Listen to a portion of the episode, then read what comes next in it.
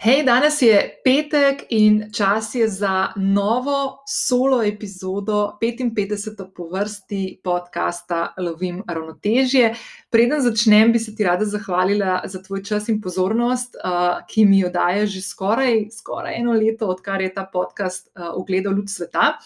Uh, sem se pa nekako zamislila, da bom to epizodo danes uh, s tabo nekoliko bolj tako odpeljala freestyling. Uh, se pravi, da bom sproti, ko bom tukaj se pogovarjala v mikrofon in imela pred očmi tebe, draga poslušalka ali poslušalca, uh, da se bom nekako poskušala sprehoditi skozi leto 2020 in imeti v mislih spoznanja uh, in nauke, uh, ki mi jih je letošnje leto ki je bilo drugačno, to se zavedamo vsi, drugačno, naporno, v navednicah nenormalno uh, in uh, posebno. Uh, kako sem ga jaz doživljala, uh, sem, uh, kaj sem pričakovala od letošnjega leta, uh, ko sem uh, januarja meseca si pisala neke namere za letošnje leto, kaj se je na koncu zgodilo in katere so tiste stvari, tista res taka spoznanja, nauki, ki mi jih je letošnje leto dalo, ki jih bom definitivno peljala s sabo tudi v prihodnost. Um, jaz sem v leto 2020 prvič v življenju stopila z neko novo rutino in sicer. Sem si v začetku leta, malo sem zamujala, sem to delala šele 2. januarja. Uh, sem najprej naredila neko analizo leta 2019 in si potem postavila neke ključne namere, za leto 2020 na štirih področjih, ki so mi najbolj pomembna. Najprej je dom in odnosi, intimni odnosi z ljudmi, ki so mi pomembni, druga stvar je moje delo, uh, tretja stvar je telo oziroma zdravje, in četrta stvar so uh, čustva, osebna rast, neko tako umsko delo. In vse te stvari, ki sem jih nekako zapisala tistega 2. januarja v svoj dnevnik, uh, In ko jih zdaj gledam nazaj, sem se prav nasmejala, ko sem se danes pripravljala na to epizodo. Uh, vse te stvari, ki sem jih poskušala si napisati za leto 2020, sem dala pod skupno besedo, ki sem jo izbrala za letošnje leto, in to je beseda rast. Nekako sem želela v vsakem vidiku svojega delovanja, svojega življenja najti neke možnosti, da lahko svoje življenje uh, nekako zapeljem na eno nove obrate. In uh, Večino namer, um, večino namer sem nekako oblikovala, potem sem se šele zavedala na način, da so vključevale tiste stvari, uh, ki so mi v preteklosti dejansko preprečevale, da bi v življenju rastla. To so bili razni strahovi, omejitvena prepričanja, tisti interni dialogi z mojim sindromom usiljivke, ki me spremlja, kot verjetno vsako od vas. Uh, v življenju in katerim, o čemer smo se že pogovarjali v eni, eni od preteklih uh, epizod.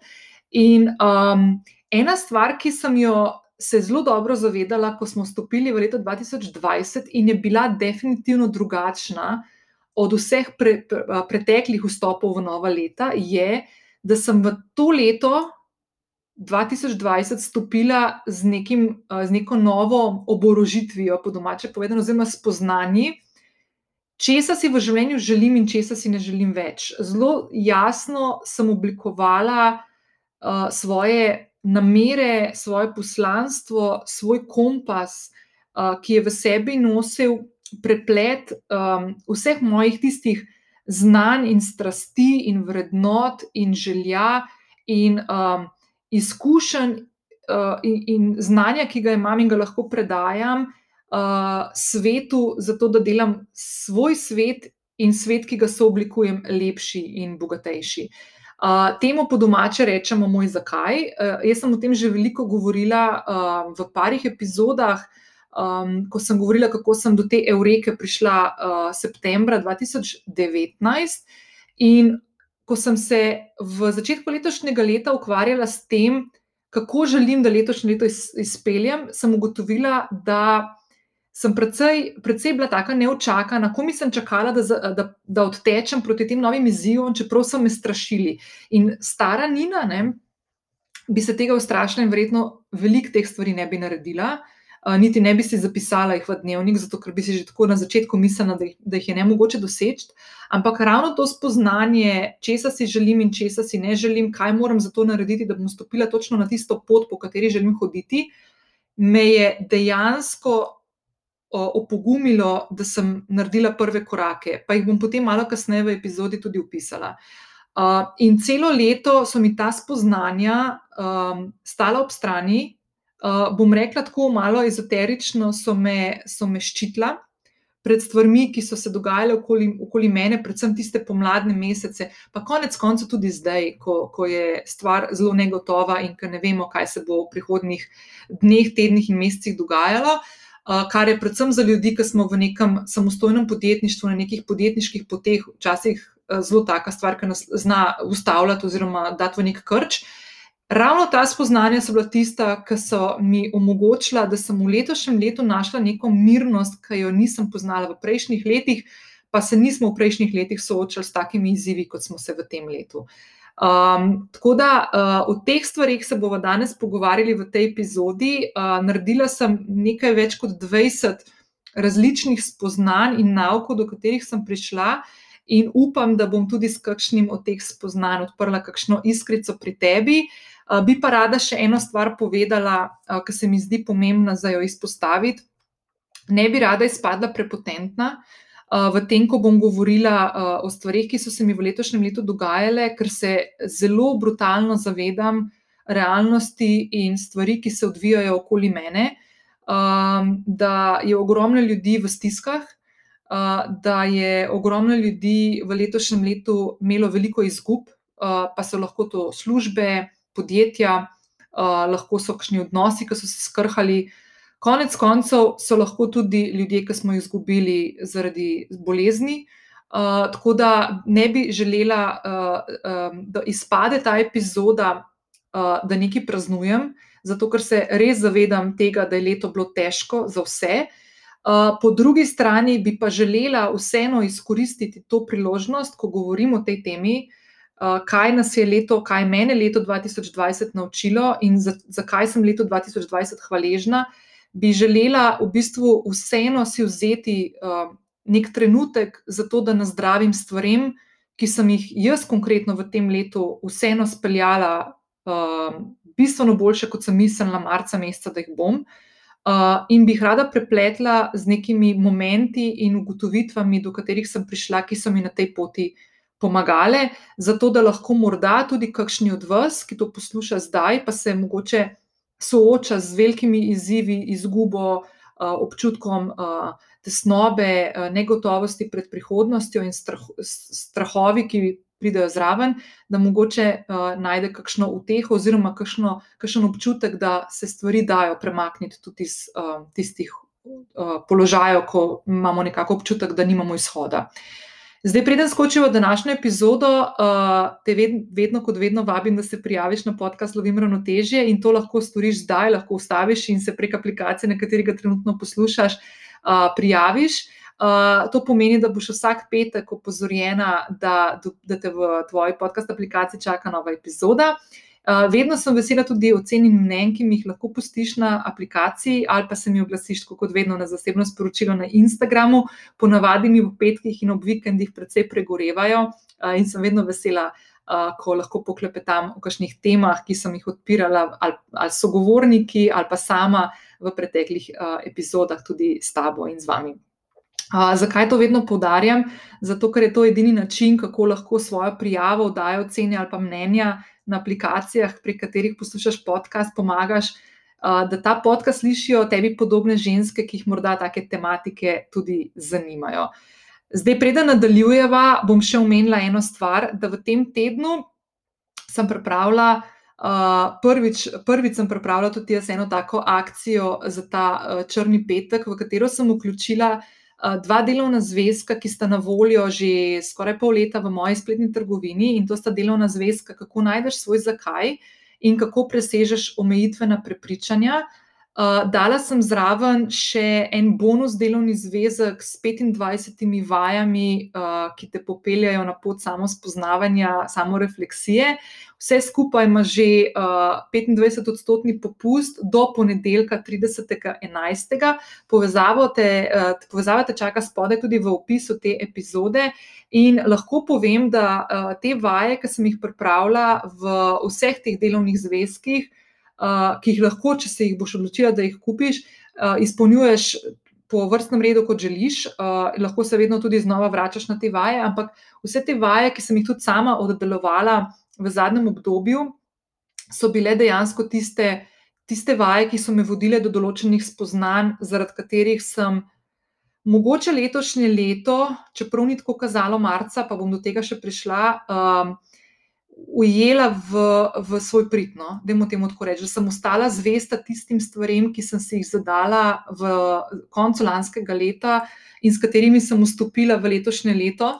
Um, in nekako so mi ta spoznanja, uh, da vem, da hodim po pravi poti, pomagala, da sem marsikakšen izziv, s katerim sem se tudi jaz letos uh, predvsej soočala, kar z nekimi, kar s parimi izzivi da sem jih lahko dejansko ne samo premagala, ampak predvsem, da se jih nisem ustrašila, da sem imela zaupanje vase, v svoje sposobnosti in v odločitve, ki sem jih sprejela, kljub temu, da je svet okoli mene. Skoraj da mi na trenutke kričal, da mogoče pa tole ni ravno pametno. Uh, tako da to, če želiš, je decembr en tak res lep čas, ko lahko se mal sprehodiš skozi, uh, skozi take vaje in ugotoviš, kaj je tisto, kar si ti želiš, česa si ne želiš, kako lahko najdeš nek preseg med svojimi strastmi, svojim znanjem, poklicem, ki ga imaš, uh, in konec koncev tistim um, poslanstvom, oziroma tistimi odgovori, ki jih lahko daš ti ljudem, ki iščejo rešitve, pa imaš ti za njih odgovore. Tako da uh, ta preseg, ta nek notranji kompas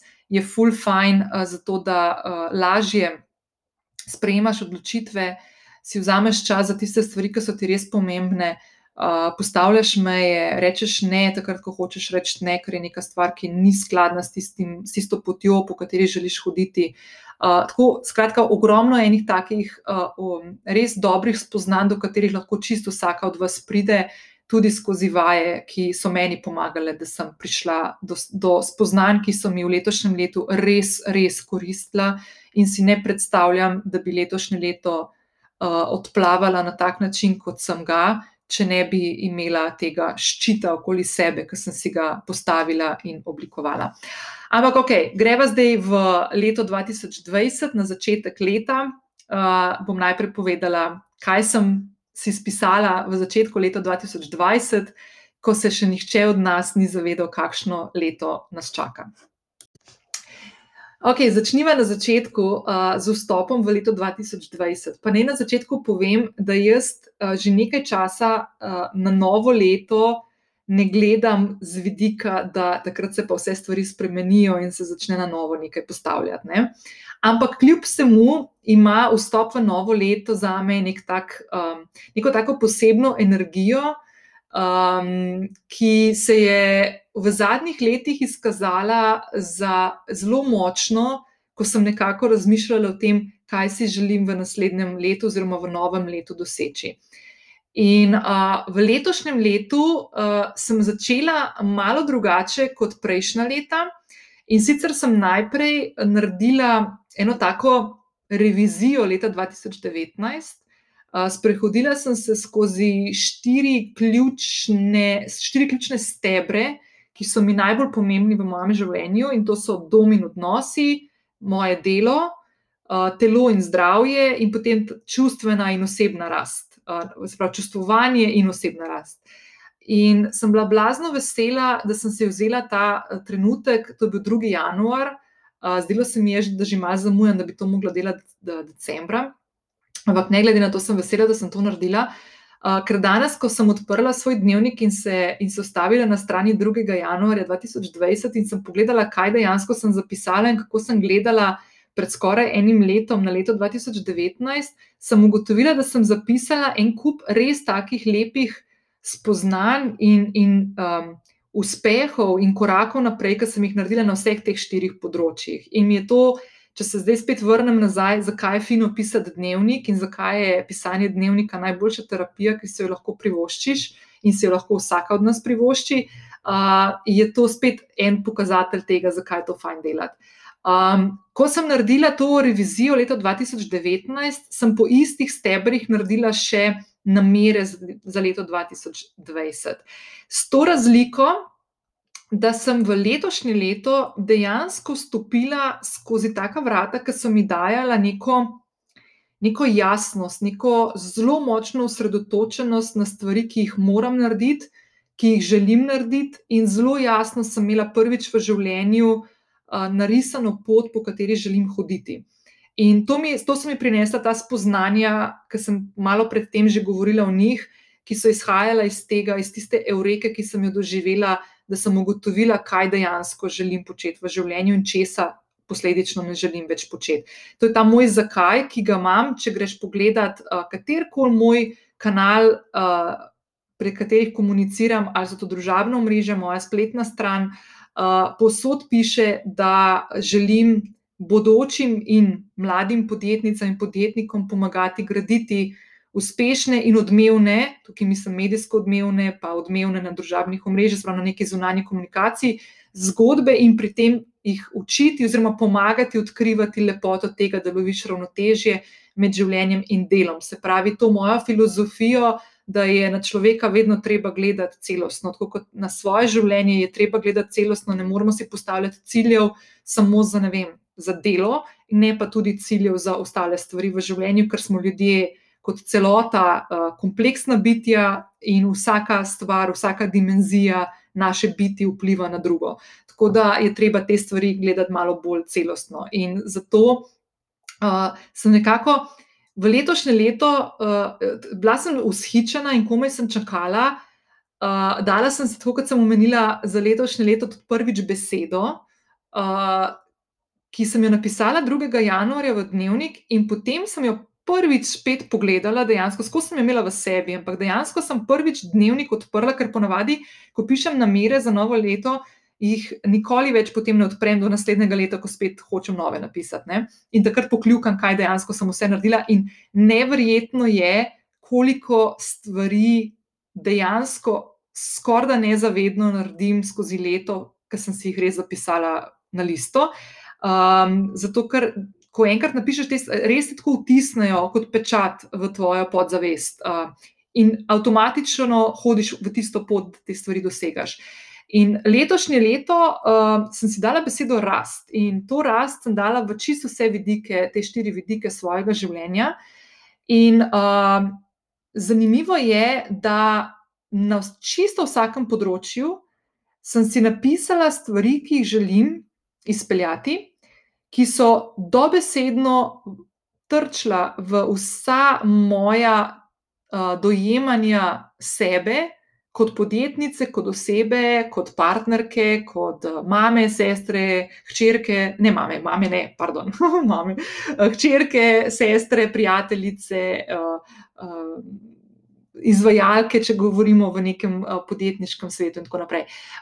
Vse stvari so trčile v moje strahove, v moje uh, omejitvena prepričanja uh, da, uh, ali pa sindroma usiljivca. V glavnem, čist na, vsakem, uh, na vsaki ravni, če bi hotla vse te namere speljati, sem vedela, da bom direktno v čelo si zapeljala točno tiste stvari, od katerih sem še nedolgo nazaj bežala.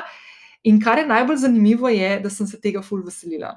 In mi je bilo to nekaj čist novega, ker jaz sem človek, ki sicer um, sem trmasta, pa znam iti z glavo v zid, ko se nekaj spomnim, pa zmislim, ampak ne, sme, ne smejo biti ti koraki, ti šoki preveliki. Zato tudi vedno, ko govorim o tem, da je valjda vedno fajn iti ven iz cone obdobja, uh, je vseeno pri tem treba biti previden, uh, iti mm, mogoče malo počasneje, zato ker če delamo prevelike korake.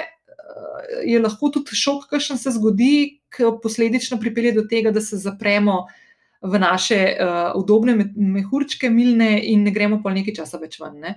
In uh, avtomatično je, naprimer, beseda rast ali pa želja po rasti povezana s tem, da greš tudi izven svojih con obdobja in da pač avtomatično trčeš v tiste stvari, ki si jih imel prej postavljene za neko udobje oziroma za neko varno, varno zavetje.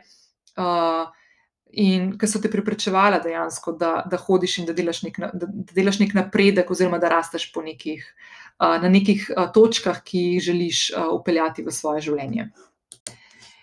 Zdaj, jaz sem se zelo zavedala, da bom v letošnjem letu, če bom želela slediti svojemu zakaju in svojemu poslanstvu, um, da bom morala narediti en kup enih odločitev, pa ne samo odločitev, dejansko jih bom mogla tudi speljati, uh, imeti ogromno enih pogovorov, uh, ki se jih nisem veselila, ker, ki mi jih je bilo strah, uh, in da bom mogla dejansko celotno svoje delo, pa rečemo s tem tudi življenje, ker pri meni, kot podjetnici, uh, ki dela sama, uh, sta te stvari zelo prepleteni, še mogoče še malo bolj kot pri komu drugemu. Um, da dejansko bom na glavo postavila svoje življenje. Uh, če sem želela hoditi po tej poti, ki sem si jo zadala, je to pomenilo, da bom morala določene odnose prekiniti, da bom morala uh, na novo postaviti poslovni model in se lotiti stvari, ki jih prvič nisem vedela, kako se jih lotiti, drugič me je preganjalo, uh, me je preganjal ta občutek, da kdo bo pa mene poslušal pri teh stvarih, ker jih še nikoli nisem na tak način govorila. Uh, in predvsem, um, kako, kako bom peljala svoje življenje, kako bom preživela skozi svoje življenje, glede na to, da sem imela, da bom določene zgodbe mogla zapreti. In um, jaz sem leta 2020 naredila en tak mindshift, že na samem začetku, konkretno 20. februarja 2020. Um, to vem tudi zato, ker imam to v dnevniku napisano. Uh, tega dne sem namreč um, prekinila dva projekta, večletna, večletni sodelovanje z dvema naročnikoma, uh, ki sta se izpeli že pred časom, ampak enostavno sem prelagala in prelagala, prelagala. Um, to sta dve zgodbi, ki sta krasni, ki, na katerih sem z veseljem leta in leta delala, ampak sta se izpeli. Uh, dobila sem občutek, da nimam več kaj novega zadati. Uh, čutila sem, da tudi na drugi strani je neko tako pričakovanje, ki ga jaz ne morem dosegati, ker se nisem več videla v tej vlogi. In 20. februarja, ko še nič ni dišalo po tem, kaj nas čaka v Sloveniji, um, sem čez noč v bistvu skenslala dva naročnika, ki sta pomenila tudi moje, moje preživetje. V bistvu jaz sem živela od tega. Ne? Um, in uh, prvič, prvič v življenju, dobesedno, res tako na tak način, sem se odločila riskirati in bila pri tem odločna. Ful sem bila nestrpna, ful sem bila samozavestna, vedela sem, da moram to narediti, uh, ni mi bilo enostavno to skomunicirati. Um, in, in potem, ne, tri tedne kasneje, se je zgodilo se je zgodilo nepredstavljivo. Ne? Pandemija je ustavila svet, tako dobesedno. Ne? In ta moj zakaj, v tistem trenutku, ko sem, nisem imela naročnikov, um, energija po tistem, da bi delala neke nove stvari in ustvarjala neke nove storitve in, in produkte, je v tistem trenutku zvodenela, vsaj za tista prva dva tedna. In tisti moj zakaj, da bom podjetnicam pomagala graditi uspešne in odmevne podjetniške zgodbe, ne, se mi je zdelo tako kot ena taka ful velika utopija in kot ena od stvari, ki definitivno ne bo šla skozi, zato ker kjer hodič si bo želel iti v podjetništvo, včasih, ko smo mali in mikropodjetniki, smo imeli ful velike težave ne, in jih imamo še zdaj. Uh, ko, so, ko, ko, ko, ko, je, ko smo v bistvu ugotovili, kako ranljivi smo. Ne pa med klic ranljivo celo gospodarstvo, ne samo mali in mikropodjetniki. In tudi to je bilo eno od fulimembnih spoznanj mojih v letošnjem letu, da to, da sem jaz mala podjetnica, ne pomeni, da sem bolj ranljiva od enega, ene multinacionalke, mednarodne, ki je še hitreje rabila pomoč kot naprimer kakšna mala podjetnica, eno, eno osebna, uh, ena oseba, ki vodi podjetje, ampak to so, to so zgodbe še za kdaj drugič. In zdaj, um, jaz sem v tistem trenutku, tista prva dva tedna, tisti, ki me spremljate, um, predvsem na Instagramu, ste mogoče to celo videli. Uh, marca meseca sem jaz zato, to je bilo malo tudi sebično. Rabila sem nek shift, ne? rabila sem se usmeriti neko svojo pozornost v stvari, ki so imele nek smisel, uh, in hotela sem izkoristiti tudi uh, svojo skupnost, oziroma nek odmev, ki ga dosegam na svojih kanalih. Sem želela te žaromete, ki so ponovadi usmerjeni v osebine, ki jih jaz pripravljam, uh, usmeriti, preusmeriti v druge stvari.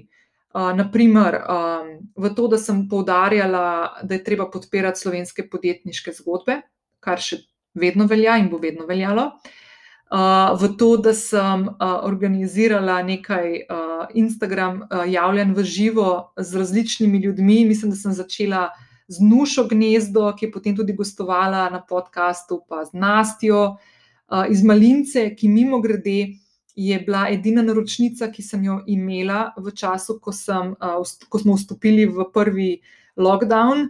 In sem jih blazno hvaležna, kot sem povedala v najnem pogovoru v eni od prejšnjih epizod, da, je, da smo tisto izobraževanje, ki smo ga peljali, lahko izpeljali tudi naprej prek Skypa.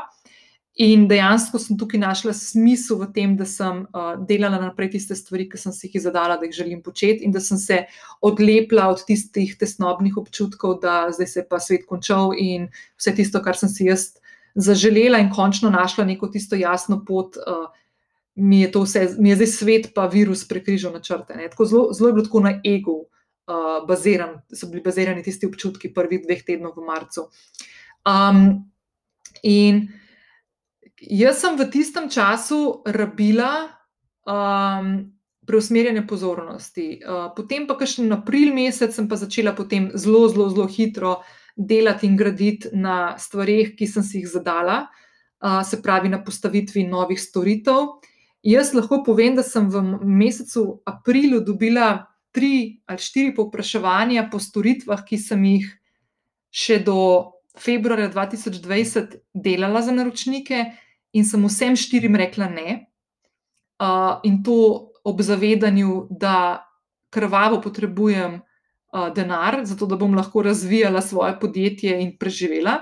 Ampak sem rekla ne, ker je bil ta občutek mojega zakaja in mojega poslanstva tako blazno močen, da enostavno nisem mogla uh, reči, da grem korake nazaj, zato da, uh, da, da sprejmem te naročnike in delam tiste stvari, ki jih nisem želela več početi. Uh, to je predvsem veliko operativnega dela na področju uh, tega, da sem uh, naročnikom tudi uh, zagotavljala neke medijske objave, da sem bila na vezi z novinarji, da sem delala na tej operativni ravni. In jaz sem se odločila, da tega ne bom več počela, da se bom fokusirala na izobraževanje, uh, da bom učila naročnike, podjetja, ki me kontaktirajo, o tem, kako uh, graditi neko, uh, neko medijsko zanimivo zgodbo in komunicirati uh, z novinarji, kako graditi neke odnose z novinarji, da bodo v zgodbi prepoznali uh, priložnost za tudi za medijske objave. In kako tudi na vzven sploh se predstavlja, tudi prek družabnih omrežij. Uh, to je ena stvar, in druga stvar, da sem pripravljala strategije nastopa na teh področjih, ne pa operativnega dela. Um, skratka, uh, želela sem si v letošnjem letu uh, razviti, se pravi, nov poslovni model, ki temelji na drugačnih storitvah, opustiti storitve, ki jih nisem več želela delati. In predvsem, uh, to sem si pa že v samem začetku leta uh, zapisala, tudi med cilje in namere, da želim kot podjetnica bolj poskrbeti za zdravje svojega podjetja. In tukaj sem se odločila za tri ključne stvari. Prva stvar je, da sem želela začeti vrčevati, Uh, jaz si to praktično vsako leto napišem med namere, in letos sem prvo leto to dejansko naredila in delam skozi. Uh, od vsakega priliva dam 15 odstotkov na vrčevalni račun. Uh, druga stvar, ki je, je, da sem si želela ustvarjati nove vire prihodkov, uh, in tudi to sem naredila. Uh, odprla sem spletno trgovino v juniju, uh, začela sem pripravljati uh, tečaje, ki jih zdaj prve smo uh, oddelali z Mojco in Mašo, 360 Bootcamp, ki mimo grede, če se kdo hoče pridružiti decembra, imamo še eno delavnico, zadnjo v takem obsegu in pod to nizko ceno. Tako da bom tudi spodaj polinkala, če kdo hoče se malo izobraziti na, tem, na področju komuniciranja, brandinga in prodaje prek Facebooka. Ne se javi spodaj in ne ujame mesto, res jih je ful malo, pa res bo fino. Zdaj smo imeli prvo delavnico novembra in je bilo noro. Uh, in ta tretja stvar, ki sem jo uh, želela, je, da um, poskrbim za nekako svojo varnost, uh, v tem smislu, da uh, želim nekako future-proofati uh, svoje podjetje, sebe. Uh, in v teh dneh uh, se odločam uh, za zavarovanja, zato da poskušam um, vsaj do neke točke neko negotovost osmisliti za prihodnost. Ne. Mislim, da smo se v letošnjem letu ogromno ukvarjali s tem, s to negotovostjo, ki je dvigovala tesnobo, uh, Um, hermetično zapreti teh stvari ne moramo. Letos smo se naučili, da stvari pridajo in vplivajo na nas, ne glede na to, kako smo pripravljeni. Uh, lahko pa naredimo določene stvari, da si mogoče poenostavimo ali pa olajšamo kakšne korake, uh, ki nas čakajo v prihodnih mesecih ali pa v tem trenutku.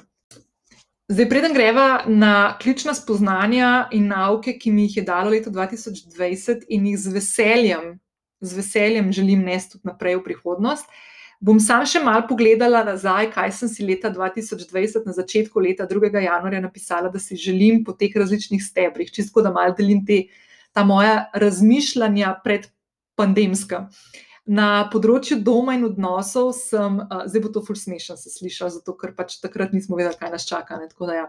Ampak sem si zapisala, da želim več časa preživeti z ljudmi, ki jih imam rada, da si želim več časa družiti, zato ker sem v zadnjem obdobju, v zadnjih letih, ogromno časa preživela sama, ker sem to potrebovala, zato da sem tudi sama konec koncev ugotavljala, kaj je tisto, kar hočem in naredila prostor uh, in tišino za ta razmišljanja uh, da sem dejansko prišla do tega, kaj, kaj je tisto poslanstvo, ki ga želim peljati naprej. Uh, potem na področju dela sem se želela soočiti s strahom pred uspehom. Uh, to je tudi eden od takih um, strahov, ki nam je ful skupaj. Ne? Eno je strah pred neuspehom, ampak pri meni je bil močnejši strah pred uspehom, zato ker se mi je zdelo, da kaj pa bo se pa zgodil, ker bom jaz bila uspešna in ne bom znala tega handlati. In sem si zaradi tega postavljala res bizarne, bom enkrat o tem govorila, ampak res bizarne omejitve. Uh, nekatere imam še vedno in se jih zavedam in jih preskakujem zdaj. Uh, potem želela sem si razviti nove storitve, to sem zdaj že malo omenila, nove vire prihodkov, želela sem čas nameniti izobraževanju. Uh, želela sem si odpreti spletno trgovino, to smo se z Mašo uh, pripravljali že v januarju, smo že o tem klepetali in imeli sestanke. Uh, Um, in nekako sem želela celo, svoje celo svojo podjetniško pot obrniti na glavo in v bistvu iti bolj v izobraževanje in pripravo strategij, kot to, da delam operativno, kot sem že malo omenila tudi uh, pred par minutami. Na področju zdravja in telesa, rečemo, sem imela v načrtu, da bom začela. Uh, Hrano malo bolj, uh, jaz sicer doma kuham, pa to, ampak se mi zdi, da skozi isto jem. Uh, hotela sem iti malo bolj nazaj na uh, rastlinsko prehrano, večinoma pa mi to ni uspelo. Uh, napisala sem si, la, uh, da, hočem, da bi si ful želela narediti uh, uh, en test uh, DNK-ja, pa še to tudi nisem naredila. Uh, potem sem si nekako zapisala, da ravno zaradi te problematike, s katero se soočam uh, na področju HPV, HPV virusov, da želim redno obiskovati zdravnico. Uh, kar je fully zanimivo, ker pa se to ni zgodilo, zato ker so odpadli ti eh, pregledi in tako naprej. Uh, pa potem, da uh, upeljem neko redno vadbo telesno, pa jogo, da upeljem bolj v svoj vsakdan. Uh, Tle bom rekla, da sem bila na pol uspešna, da imam obdobja, ki ful sem pridna in vadam in grem po planu, imam pa obdobja, ki mi malo razpade, naprimer, to je zdaj eno tako obdobje. Eh, na osebni rasti, oziroma na tem čustvenem nivoju, ne, sem si pa napisala, in to zdaj tako čisto iskreno napišem, ker mi je res ful smešen, da odpiram prostor in srce za nove ljudi. Se pravi, končno sem prišla do občutka, da, imam, da je čas in da sem pripravljena, da spoznam enega partnerja, bo, da imam prostor v življenju za njim, da je namenjen tukaj in čas, ki ga želim in, uh, doseči, uh, mislim, uh, omogočiti temu človeku, ki bo prišel v moje življenje in tako naprej. Kar bi seveda pomenilo, da bi se mogli ful družiti, da bi jaz spoznala kakšne nove ljudi, ampak pač letošnje leto, pa druženje je po mojem šlo glih, to, glih v kontrasmer. Ampak v glavnem tako vam hočem povedati, kaj so tiste stvari, ki sem si jih nekako zapisala. Tako, teh stvari bo še veliko več, ne, ne, bom, zapis, ne bom brala mojega mojega dnevnika, ampak uh, dejansko sem, sem tako, če zelo poenostavim. Jaz sem v letošnjem letu hotela malo ta, to pozornost, ki sem jo prej usmerila v sebe in v to, da sem našla sebe, sem jo hotela usmeriti drugam. Se pravi, da se odprem, da sem veliko bolj družabna, da se družim, da nisem full velik doma, kot sem bila v prejšnjih letih, um, da, da, na, da spoznam nove ljudi, da uh, kar se tiče dela, da razpršim prihodke da imam nove vire prihodkov, da vrčujem, da se zavarujem, da se izobražujem. Skratka, en kup enih stvari. Tako da zdaj pa pogledajmo, kaj se je pa potem dejansko v letošnjem letu dogajalo na različnih vidikih in kaj so tiste ključne stvari in ključne spoznanja, nauki, uh, eureke, ki sem jih doživela uh, ob tem, ko sem poskušala loviti te namere, ki sem si jih zapisala. Uh, in to rast, ki sem si jo dala za rdečo nit leta 2020, kaj se je dejansko potem dogajalo in kako sem doživljala različne stvari. In verjamem, da bo marsikatera od vas kakšno stvar tudi videla, mogoče podobno, uh, ali pa uh, prepoznala kakšno stvar, ki jo mogoče lahko danes upeljate, pa vam bo pomagala, če se trenutno soočate z občutkom nemoči, tesnobe um, in, in obupa. Naprimer. Eno stvar spet bi rada poudarila, da je to moja pot, moja spoznanja. Um, nočem biti prepotentna, še enkrat poudarjam. Uh, Zelo, zelo močno imam empatijo in zelo težko spremljam stvari, ki se odvijajo. Uh, ogromno, ogromno mojih prijateljev in znancev ima velike težave uh, poslovne v tem trenutku in nočem uh, nočem, da tukaj imate občutek, da imam kozarc penine in si nazdravljam, po drugi strani um, pa ne želim vse, vseh um, izzivov in ovir, ki sem jih preskočila, zanemariti in reči, da. Da niso pomembni, oziroma da se ne sme nazdraviti. Uh, se mi zdi ful pomembno, da vsi tisti, ki ste imeli uspešno leto ali pa ko ste prišli do določenih spoznanj v letošnjem letu, tudi in predvsem zaradi situacije, v kateri smo se znašli kolektivno, uh, da teh stvari ne dajemo v nič, ampak jih moramo, moramo ozavestiti, zapisati, uh, ne pozabiti in jih imeti ob sebi. Uh, to so ful pomembna spoznanja uh, in jih je treba, uh, treba jim dati neko me častno mesto na polici, uh, zavedajoč se, da pač uh, izzivov ni konec ne, in da vsak dan pripelje nove. Uh, ampak ne glede na to, ne, ne, ne praznovati teh stvari, ne biti pa prepotentni v smislu, da kjer je kraljica, sem jaz in briga me za vse ostalo, ker me pač ne in mi je res hudo, ko vidim, da se stvari komplicirajo na marsik, na preveč področjih. Okay. Eno od prvih spoznanj, uh, ki je verjetno vsem zelo podobno, je, da če se ne bomo sami ustavili, bomo pač prisiljeni, da se ustavimo.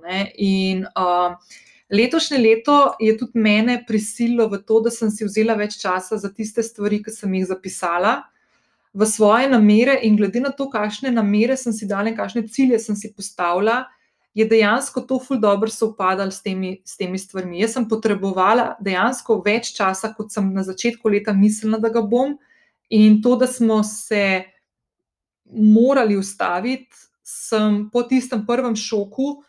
Uh, dejansko zelo hitro se tega zavedala in izkoristila tisti trenutek časa, več, ki sem ga imela, uh, uh, zato da sem dejansko veliko naporov, uh, časa, energije, premisleka uh, vključila točno v tiste stvari, da so se potem dejansko zgodile. Ne.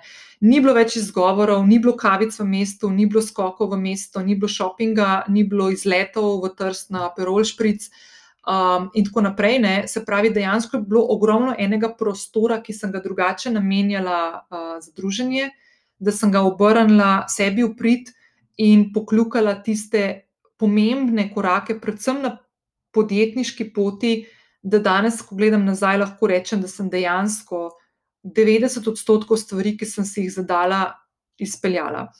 Um, jaz sem ponosna tudi na to, da sem obdržala ta občutek časa zase in da me ta čas, ki bi ga lahko preživela v delu, da, nisem izko, da me ni pogotnilo, da, da nisem bila preobremenjena.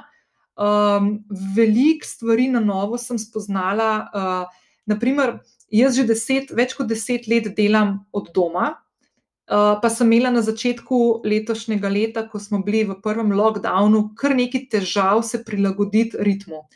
Kar je zanimivo, zato ker um, itak sem že delala od doma. Ne? Uh, ampak razpadle so mi rutine, naprimer, uh, ki so mi ful pomembne v življenju in ki mi dajo energijo, ampak to je šlo čist v cogrund. Um, mogla sem najti nek nov flow, in v bistvu mi je tukaj zelo pomagalo to, da sem raziskovala temo produktivnosti. Um, še enkrat, produktivnosti ne v smislu, da delaš več, ampak da stvari, ki jih imaš za narediti, narediš v krajšem času in ostale ostali čas namenjaš drugim stvarem, pa bom še prišla do tega. Uh, jaz sem o teh tehnikah veliko govorila v epizodah 24 do, 9, do vključno 29, ko sem res razdelila stvari in na kakšen način se lotevam uh, svojega dela, da mi pri tem oh, ostaja čas za druge stvari. Zdaj, v letošnjem letu za druge stvari, za neko druženje, izletke, pa tega veliko ni bilo, ne, razen tisto obdobje, mogoče poleti. Um, Ampak sem v tem času, naprimer, vzela si čas za izobraževanje, naredila sem kar nekaj spletnih tečajev, ki sem jih odlašala. Potem, naprimer, um, pripravljala sem vsebine za spletno trgovino, ki mi jo je uspel postaviti v desetih dneh, kar se mi zdi čisto bizarno.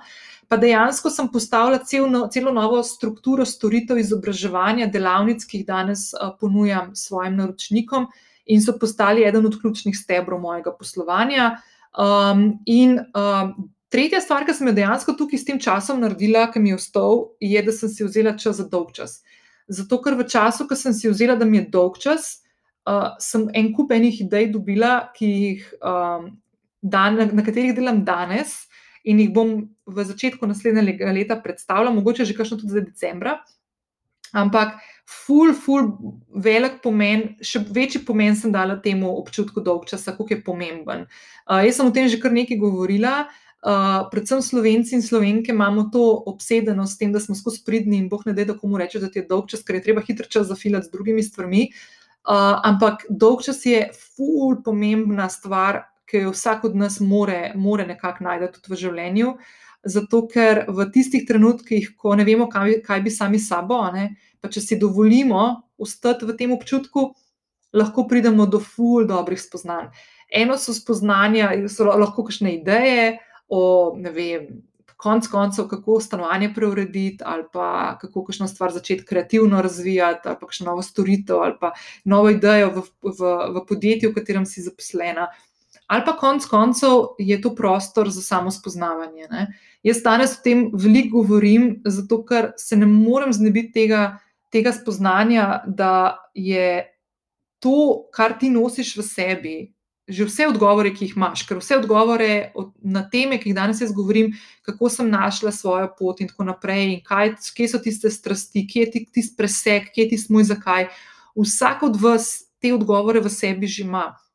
Problem, ki nastane, je, da si ne vzamemo časa, da do tega pridemo, ali pa da nimamo orodij, kako do tega priti. Se pravi, ali nekih vprašanj, ki nas vodijo do nekih spoznanj, časa, ki ga namenimo temu, tišine, ki jo namenimo, da ugasnemo telefon, televizijo, damo stran knjige, damo stran računalnik, uh, prosimo, da imamo malo mira z ljudmi, ki mogoče živimo z njimi, da si vzamemo res čas, da gremo de delati to samo, samo odkrivanje in samo spoznavanje.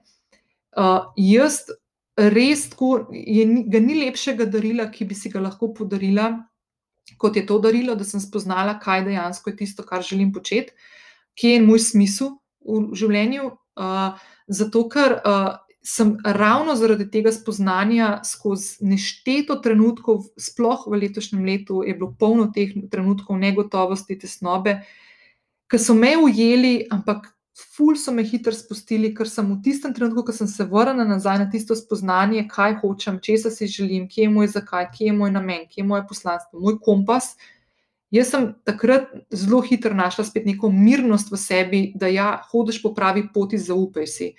Ne znam drugače opisati tega, kot po mojem, če ne bi tega imela, bi, bi opustila že marca stvari, ki sem si jih zadala in se danes ne bi o teh stvarih pogovarjala. Vprašanje je, če bi sploh ta podcast še bil pržgan. Čisto iskreno, ker bi verjetno imela paniko in bi želela delati druge stvari, in bi polagala, in bi, in bi, in bi, in bi večino energije in usmerjenosti in osredotočenosti normalno pač dala na, na tiste ključne stvari, zaradi katerih bi lahko preživela. Naprimer, um, druga stvar, ki sem jo spoznala v letošnjem letu in ki jo tudi fulkrat omenjam, je pisanje dnevnika.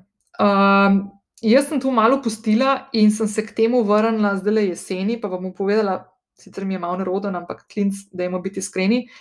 Jaz sem letos, oktobra, novembra, mogoče že, ne, mislim, da predvsej pre, konec oktobra, začetek novembra, sem imela dve situaciji, ko sem se znašla v joku. Tako, prav zjokala sem, neutoložljivo sem jokala, tako krokodilje solze, obup, ujetost, um, osamljenost. Uh, obakrat uh, je to spodbudilo to, da sem gledala en film mislim, dva filma sem gledala. Pri prvem, pri prvem filmu, nek rom-com, neka komedija, romantična, uh, sem na koncu zjokala iz obupa, da sem sama in da nimam nekega partnerja v življenju, ki bi me objel v tem trenutku in mi rekel, da je vse v redu. Naprimer. In sem si mislila, da zdaj bomo celo življenje tle zaprti in kaj bom jaz naredila. Ne? In sem se kar mal pletla v te neke zelo take otroče, v bistvu, uh, misli. Uh, in sem, hvala Bogu, šla v pisarno uh, vzela dnevnik, prožgala luč, sedela za mizo in začela pisati. In povem, da je šlo to pisanje tako, da sem spisala tisti večer, po mojem, ene osem strani dnevnika. Začela se je tako s tistim, kako gre me, zakaj jaz tega nimam, pa tako žrtvo, žrtvo. Pol, zaključilo se je pa s tem, da sem dejansko spisala, kakšnega partnerja v življenju si želim, oziroma še bolj, kako se želim počutiti ob takem človeku. Ne? Bolj sem se na sebe osredotočila, kot na to, kakšnega partnerja iščem. In jaz lahko eno stvar povem, ne, da sem se po tistem joku, ki me je držal, ne vem, eno uro, pa polka sem napisala, sem iz tiste drame, ki je bila res drama, sem šla spat in sem spala deset ur, ker sem se totalno umirila in resetirala. Uh, to je moč pisanja dnevnika. Ne morem bolj plastično kot to povedati. To je najboljši terapeut, uh, ki si ga lahko v življenje prekličeš. Uh, in res, res, če tega še ne počneš, ti ful svetujem. Bom prelepila v show notes uh, tudi uh, vodič, ki sem ga že pred časom napisala, kako začneš pisati dnevnik, pa zakaj je to fino, uh, ki je res, res, res potrebno. In ta drugi, vidik, ta drugi način, kako, je, kako sem se ujela uh, ker sem spet jokala, spet zaradi enega filma, ki je bil pa film uh, Odnos uh, sin-oče. In sem se v bistvu ujela v razmišljanju, ki ga nikoli prej nisem pomislila na to, uh, vse da bi se zavedala, da, mojega, da imam odnos z mojim očetom, ki ga imam, uh, ki je mimo grede super odnos, danes je bil pa precej šejki vmes uh, v času mojega odraščanja, uh, pa predvsem pred um, dobrimi desetimi leti, ko sta se mi starša ločila, uh, je bilo en kup enih takih občutkov, um, uh, uh, da me je nekdo zapustil, uh, ujetosti, uh, razpada družine, obtoževanja, konc koncev. Um, Neodpuščanja. In tako, ogromno je takih stvari, ki se mi zdi, da se pač vedno zgodijo, ko, ko je nekdo žalosten in ko uh, ne zna mogoče v nekem trenutku ubesediti svojih čustev, ali pa jih poskuša, pa na drugi strani človek to dojema kot napad, uh, kar je čist človeško. V glavnem, gledala sem ta film in sem začela jokati, zato ker sem ugotovila, da, um, da odnos z mojim očetom sem bila kar kura pot. To je moja taka tema, ki mi je ful pri srcu in ki ful težko od nje govorim, brez da bi dobila sozne oči in zdaj le imam sozne oči. Uh, Um, spomnila sem se svojega očeta, ko sem bila mehna, ko sem otrok. Moj oče je bil full mlad, ko sem se rodila, 21 let je imel. In je bil tako tak moj buddy, meni se je vedno full fajn zdelo od mladega očeta, ki je bil vedno tako igriv in smo se zafrkavali in kopali tam po morju in sem imela en tak čo, čoven, napihljiv uh, indijanski uh, tale kanu in sem noter sedela in je moj oče okrog plaval in sva se full igrala in tako.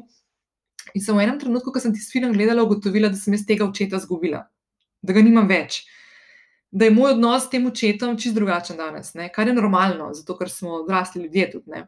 No, in sem se začela pač spet me je, me je v to centrifugo zapeljal in sem bila neutoložljiva. In sem šla pisati dnevnik, in sem na koncu prišla do zaključka, da odnos, ki ga imam danes z mojim očetom, je nenormalno lep in topel odnos. In je dejansko tak odnos, kot sem si ga, naprimer, pred desetimi leti, ko smo bili v tistem razburkanem obdobju po, po, po ločitvi staršev, sem si ga takrat dejansko želela. In danes ga imam in sem zaradi tega ful te povezave naredila, ko sem dejansko pisala dnevnik. Tako da spet še en razlog več, zakaj je to res lepa praksa in ti ful svetujem, če tega še ne počneš, da se teh stvari lotaš, ker so res nora spoznanja. Um, Umirjen rataš, ugotoviš, da niso stvari tako dramatične, kot si jih mogoče na prvi pogled zdijo, in res si vzameš čas, čas za sebe in tiste trenutke zase, da odkrivaš te svoje nijanse osebnosti, uh, ki jih nosiš v sebi. Naslednje spoznanje je, da bodi odprta za sprejemanje. Um, kaj to pomeni? Eno je vprašati za pomoč, drugo je pa, da dovoliš, da to pomoč dobiš. Uh, dve zelo različni stvari. Um, in še dodatna stvar je tukaj, da je treba spustiti tudi malo stvari. Uh, jaz sem full control freak, malo po naravi, malo zato, ker sem tudi škorpionka in sem full taka čustvena in eksplozivna in tako naprej. O tem sem malo več govorila, ko sem v epizodi 49, se mi zdi, govorila o svoji poti mentalnega zdravja. Um, da pač sem tako eksplozivna, zelo sem bila vedno plus in minus, črno-belo, šele v zadnjih letih dveh, treh, mogoče štirih, sem začela uživati v tej sredini, v tej neutralnosti, oziroma v, v odkrivanju nekih sivih odtenkov. Um, in v letošnjem letu, sploh tam marca, ko me je malo začela spuščati ta prva panika, uh, sem ugotovila, da moram spustiti nadzorovanje, da moram spustiti to, kar jaz pričakujem, kako bi mogle stvari teči, in si dovoliti prostor da se stvari odvijajo. Ne? To je zdaj spet fully ezoterično. In zdaj sem v zadnjih dneh krene par eh, ženskam, ki so se mi javile na Instagram, podobno rekla.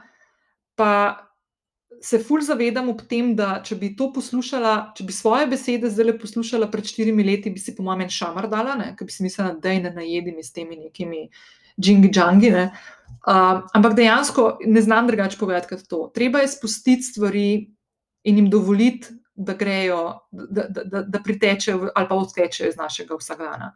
Um, in vprašati za pomoč in dovoliti to pomoč je tudi ena taka ful. Ful pomembna stvar. Naprimer, en primer, čist, čist banalen primer, ki je zdaj se mi zdi, da tisto obdobje v marcu, ko smo dojemali to novo realnost uh, z virusom, ki je med nami tako ful bolj drastično in dramatično, kot mogoče zdaj, ko smo se tega malo navadili, pa se nam ne zdi več nekaj tako groznega. Ampak, naprimer, en primer, ne, uh, ki, govori to, ki govori o tem, kako vprašati za pomoč, pa drugo, da pač dovoliš, da ti nekdo pomoč pa tudi ponudi, ali pa da ti jo ponudi, brez da vprašaš, ker, ker začuti, da jo rabiš. En zelo banalen primer. Uh, marca meseca, ko se je zgodila ta prvi lockdown, jaz prvi teden nisem šla iz stanovanja. Tako, nisem šla iz stanovanja. Nakupila sem si tisti petek, 13. marca, vse stvari možne, uh, in potem nisem šla ven. In uh, jaz živim v bloku, v katerem v mojem nadstropju so štiri stanovanja, poleg mene še tri, in imamo skupni, skupno pralnico in sušilnico. Se pravi, imamo pralni in sušilni stroj, ki si ga delijo štiri stanovanja. In jaz nimam pralnega stroja v stanovanju zaradi tega. Ne? In jaz sem imela že kar nekaj umazanega perila, ker ga nisem prej Mislim, da 13. marca še ni bil virus, 14. je pa bil, ne pač to bilo to dojemanje, zdaj pa grozno, moraš biti doma in doma je edini prostor, ki je varen in van virus ne more iti, ne češ pa ven stopu na hodnik, pa, pa bo kar te bo takoj ujel. V glavnem, eh, mene je takrat klicala moja eh, prijateljica Gruša in mi je rekla: Nina, a ti pridem iskat eh, perilo, pa ti ga bom jaz doma oprala, pa ti ga prenesem, pa ga ti sam spredi pred vrata, da je od stanovanja. Pa sem rekla, ne, se hvala, se to je pol isto, če gremo v pralnico, se, ki ima mimo grede pralnica izraven, so vrata mojih vhodnih vrat. Um, od stanovanja. Da, ampak hočem povedati, ne, da kako je oseba, ki mi je blizu, ki je moj podporni sistem, ki jo imam neizmerno rada, ki je moja dobra prijateljica, je začutila, da rabim tukaj neko pomoč in nje ni bilo tako zelo strah kot mene v tistem trenutku in je rekla, da je pridem jaz iskat, pa bom jaz doma to uprala.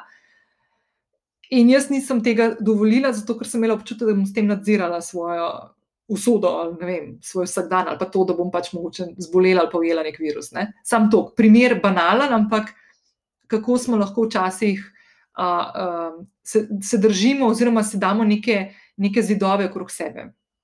Um, naslednja stvar, dihanje. Meni se je letos cel nov svet odprl, ko sem šla poleti. Uh, to je bilo eno od res ful dobrih, ful dobrih izkušenj letos. Letos sem uh, šla uh, poleti, julija meseca, uh, na Vimhofovo metodo dihalnih vaj in uh, v navednicah namakanja v ledeni vodi. Uh, to sem šla v sklopu uh, enega izobraževanja, ki smo ga imeli, Leader in Flow. O tem govorim v 42. epizodi, ko je, ko, ko gost, ko je, bil, ko je bil moj gost Roman, moj mentor. Uh, In smo na koncu, ko smo oddelali teh štiri mesece uh, izobraževanj, uh, leadershipa oziroma vodenja, um, smo šli v Kamniško bistrico k Emilu Ledenku. Ledenko se piše, by the way, uh, človek, ki to vodi, ne bi mogel biti boljšega primka. In smo v bistvu uh, šli skozi te dihalne vaje, ki so malce drugačne uh, od tistih, ki jih jaz poznam iz joge in iz meditacije. In smo se pripravljali na to, da bomo znali svoje telo um, tako nadzorovati ali pa tako, tako ga spremljati, odzive, ki, kaj se zgodi v telesu, ko gre v vodo, ki ima 4 stopinje in pol.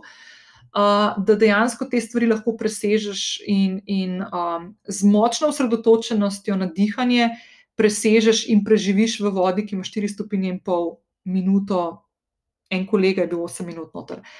Zdaj, za nekoga, kot sem jaz, ki še dve leti nazaj ni šla v morje, če poleti ni imelo 26 stopinj, ne, in sem vedno šla v vodo tako, da sem šla, ne vem, kot ena stara babica, ki težko hodi. Ne, uh, to, da sem bila jaz eno minuto v vodi, 4 stopinje in pol, in da ko mi čakam, da grem spet, ti sploh ne znam razložiti stvari, ki so se mi v glavi takrat zgodile. Poleg tega, da sem rekla, ok, očitno sem sposobna več, kot zmorem, očitno imam ta svojo glavo oziroma svoje to osredotočenost, ko se na nekaj odločam tako močno, da ne odstopam. Uh, potem naslednja stvar. Lahko nadzorujem, mislim, moje telo je sposobno, moj um je sposoben delati take premike naprej, da je to neverjetno. In, naprimer, to tehniko dihalnih vaj, uh, ki sem se jo tam naučila, sem jo potem dejansko upletla tudi v mojo jutranjo rutino. Ne izvajam vsak dan, kot sem rekla, meni se je letos moja rutina zelo podrla in se počasi, počasi vračam k njej, tako nočem več težiti ali pa teči v, v, v to rutino, ampak počasi se vračam nazaj. Um, ampak ta izkušnja. Te metode in ledene vode mi je bila tako amazing amazing. In verjetno bom imela tudi v, v kratkem gostila, zato ker se mi zdi full fine, da to slišite, ker, ker je tle en kup enih stvari, ki, ki vplivajo, zakaj to dobro vpliva in na psihično, in na fizično stanje uh, telesa in duha. Um, naslednja stvar. Jaz sem se od velikih ljudi poslovila letos, uh, figurativno in dobesedno. Uh, naprimer, naredila sem full red na Facebooku, uh, en kup enih ljudi, ki so težili z razno raznimi teorijami zarod in um, to ni tako, kot govorijo, ali pa ne vem, pač maske ne nositi. Pa te scene, jaz sem to skenslala, zato ker ne morem tega gledati, ker sem se odločila, da bom zaščitila svojo energijo, moj prostor, intimen prostor, v katerega ta sporočila, kljub temu, da jih grem sama pogledati, ne, uh, uletavajo svoje zdravje, mentalno, uh, svoje srce, konc koncev, in predvsem um, zato, ker uh, sem ugotovila, da določeni impulzi, ki jih dobivam od določenih ljudi, uh, da ne delajo na neki produktivnosti, nekega reševanja nekih stvari, ampak sam za neko teženje. Uh, tudi, naprimer, na Twitterju, kjer sem ponavadi preživela veliko časa, zdaj ga vedno manj. Sem skenslala in ne sledim nobenim profilom, vključno z mojim očetom, naprimer, ki včasih ima takšne, kakšne tvite, kakšne šera, ker ne rabim glih videti, ne? pa me ne zanima iskreno. Uh, mislim, da na Twitterju samo dvema slovenskima profiloma sledim, ali pa trem, mogoče. Uh, definitivno statističnemu uradu, ki so mi full fine, pa moji sestri, pa mislim, da še mogoče dvema. No. Ampak v glavnem, tudi tako v real lifeu uh, sem en kup enim ljudem, um, se nismo več videli, pa dobili ali pa slišali, kako koli, zato ker enostavno smo se. Je, je, je letošnje leto poskrbelo za to, da smo ugotovili, da nismo kompatibilni, in se mi zdi to fajn.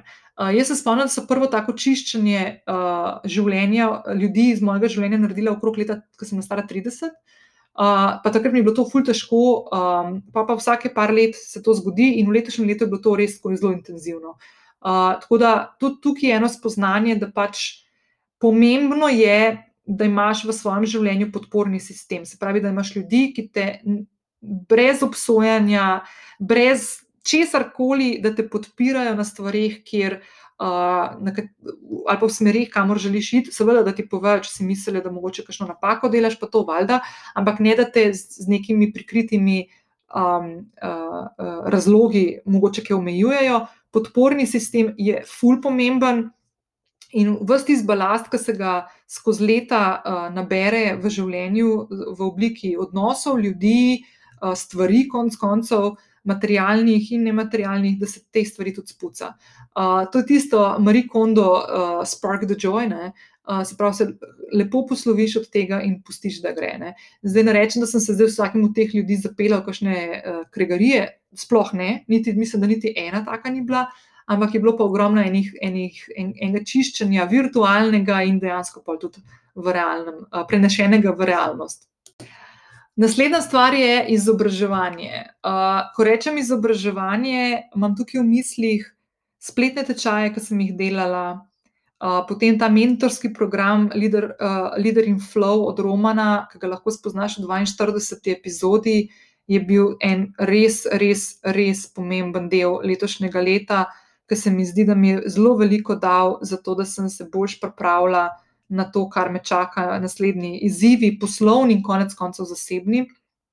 Um, Veliko sem brala, jaz sem knjige opisala v 52. epizodi, kar nekaj sem jih nanizala, pa še več jih je pol na, na, na voljo na mailu. Če se prijaviš na moje enovičke, te čaka tudi link spodaj v opisu te epizode. Uh, mislim, da dobiš uh, tretji dan, potem ko se prijaviš, dobiš zbirko knjig, ki jo priporočam takoj na začetku pa jutranjo rutino, v kateri se zdaj vračam. Potem letošnje leto ne, je bilo za mene pomembno tudi zaradi teh družbenih sprememb, ki so se odvijale na kolektivni globalni ravni. Uh, naprimer, bom izpostavila Black Lives Matter, naprimer, uh, uh, gibanje, ki je v letošnjem letu preseglo uh, okvirje ameriške družbe in dejansko šlo po celem svetu. Jaz sem zaradi tega, um, zaradi te, tega gibanja in sporočilnosti, ki jo nosi, uh, pri sebi spoznala določene stvari, na katere nisem ponosna in se mi ni zdelo, da jih nosim v sebi. Ne bom rekla, da sem rasist, daleč od tega. Sem pa nek. Nisem dejansko tisto, kar sem mislila, da sem, zato ker sem imela ogromno enih nekih privzgojenih um, opažanj in mnen, ki so dejansko napačna. Danes lahko rečem za nazaj. In sem en kupenih dokumentarcev in serij in filmov in literature prebrala na to temo, ker sem ugotovila, da želim, da želim biti boljša na tem področju. Pa ne samo, kar se tiče Black Lives Matter, ampak tudi stvari, ki jih lahko prenesem v družbo, v kateri jaz živim, ki mogoče ni tako raznolika, rasno raznolika, je pa naprimer nacionalno raznolika, et, etnično raznolika, versko raznolika.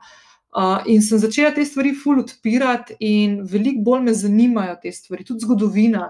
Uh, ful stvari sem na tem področju prebrala in lahko rečem, da danes, naprimer, ko pomislim na te stvari, gledam čist drugače in sem definitivno boljši človek, tudi zaradi teh, um, teh stvari, ki so se letos dogajale in sem jih vzela kot neko priložnost za rast spet se vračamo na besedo, na rast, eh, na, na novo dojemanje, na postavljanje nekih novih vrednot in razmišljanj. Um, kakšen odtis želim tudi jaz puščati s svojim razmišljanjem in delovanjem v svetu, ki ga so ustvarjam. Uh, ne morem tudi pač valjda podkastov pozabiti. En kup enih podkastov letos um, uh, se jih je zgodilo, uh, ko sem jih spoznala. Uh, en kup enih vsebin sem dobila prek podkastov, tudi konec koncev knjig, ki sem jih potem prebrala. Uh, mogoče, če bi izpostavila, mislim, da sem v svojih podcastih že govorila, bom te stvari vse polinkala v show notes, ampak uh, naprimer Brené Brown ima ful dobre sogovornike, Armchair Expert od Dexa Shepard tam je ful dober, Tim Ferris ima ful dobre sogovornike. Um, a ideja od Klemna vedno je podaran, ker mi je res tudi ful fajn in ima ful dobre sogovornike, uh, ne vem, ful mi zmaga una epizoda z Mihatom Macinijem, ki sem ful hvaležna, evo, ful sem hvaležna, da sem Mihata letos spoznala tudi osebno, um, in da smo imeli priložnost parkrat iti na sprehod in klepetati, ki mi je tako res en tak, ful zanimiv človek, s ful zanimivim razmišljanjem in se znam, ful, ful se najdem v njegovem razmišljanju, tudi jaz, in mi je tako ful. Ful cenim vsako ti. To so bila druženja v navednicah, ki sem si jih želela v letošnjem letu imeti, pa je bilo premalo priložnosti in prilik. Ampak ja, definitivno. In zdaj takoj lahko na, na, na, se napeljem ki jih Mihata omenjam, se lahko navežem na naslednjo stvar, ki je praksa hvaležnosti, ki me je letos ful rešvala. Uh, tako da vsakeč, ko sem začutila tisto, tisto občutek um, brez upa, uh, negotovosti, spet dnevnik, uh, hvaležnost, uh, ali pa samo sem šla v glavi skozi stvari, ki so se mi zgodile. Vem, zdaj, naprimer, ena od zadnjih stvari, ki se mi je zgodila, po mojem, ne tri tedne, dva tedna nazaj, je, da je moj nečak Brest, ki ima zdaj dve leti in pol, um, je se naučil, pa zdaj reče, tako rad te imam. In sem tako valjda padla v histerično vesel jok, ki mi je bilo tako, tako kjut, da rajš spoh ne morem povedati. Uh, tako da hvaležnost je, je dejansko fuldara praksa, pri kateri se usmerjaš na stvari, ki jih imaš v življenju, uh, in, in ne na tisto, kar nimaš in ki te dela v bistvu žalostno ali pa tesnobno.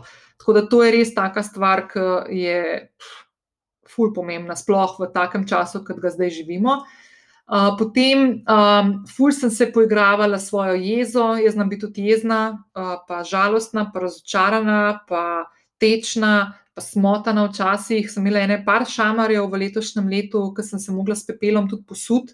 Um, in jeza je ena od tistih stvari, ko sem spet in spet znova ugotovila, da ne pomaga rešiti težava. Um, tako da, ja. Uh, potem, ful pomembna stvar, da na vsak impuls ali pa sporočilo, ki ga dobiš, ni treba odgovoriti. Jaz rajš ne povem, koliko enih tvitev sem napisala, pa jih pol ne objavila, ali pa koliko sem jih mogoče objavila, pa pol, um, pa pol zbrisala. Uh, ker nisem hotel teh določenih energij potem v svoje življenje pustiti, da pridajo. Um, potem, ful pomembno spoznanje tudi, da nikoli ni prepozno, da spoznaš, če se želiš in če se ne. Uh, to velja za mene, ki zelo rada tako rečem, da sem pri 41 letih ugotovila, kaj si želim in če se si ne želim in kam hočem pelati svoje življenje. Uh, jaz sem ful vesela, da imam okrog sebe en kup enih mlajših ljudi, ki te stvari vejo. In uh, sem zelo, zelo vesela, da če lahko kakorkoli, komorkoli pomagam na tej poti z veseljem. Uh, zato sem tudi naredila ta dva produkta in dala v spletno trgovino, ker želim, da vsak od vas najde uno pot, ki vas bo delala srečne, zadovoljne, samozavestne um, in da boste imeli smisel, da tisto, kar počnete v življenju, da ima nek smisel. Um, Potem zbiraj bitke, uh, ful pomembna stvar.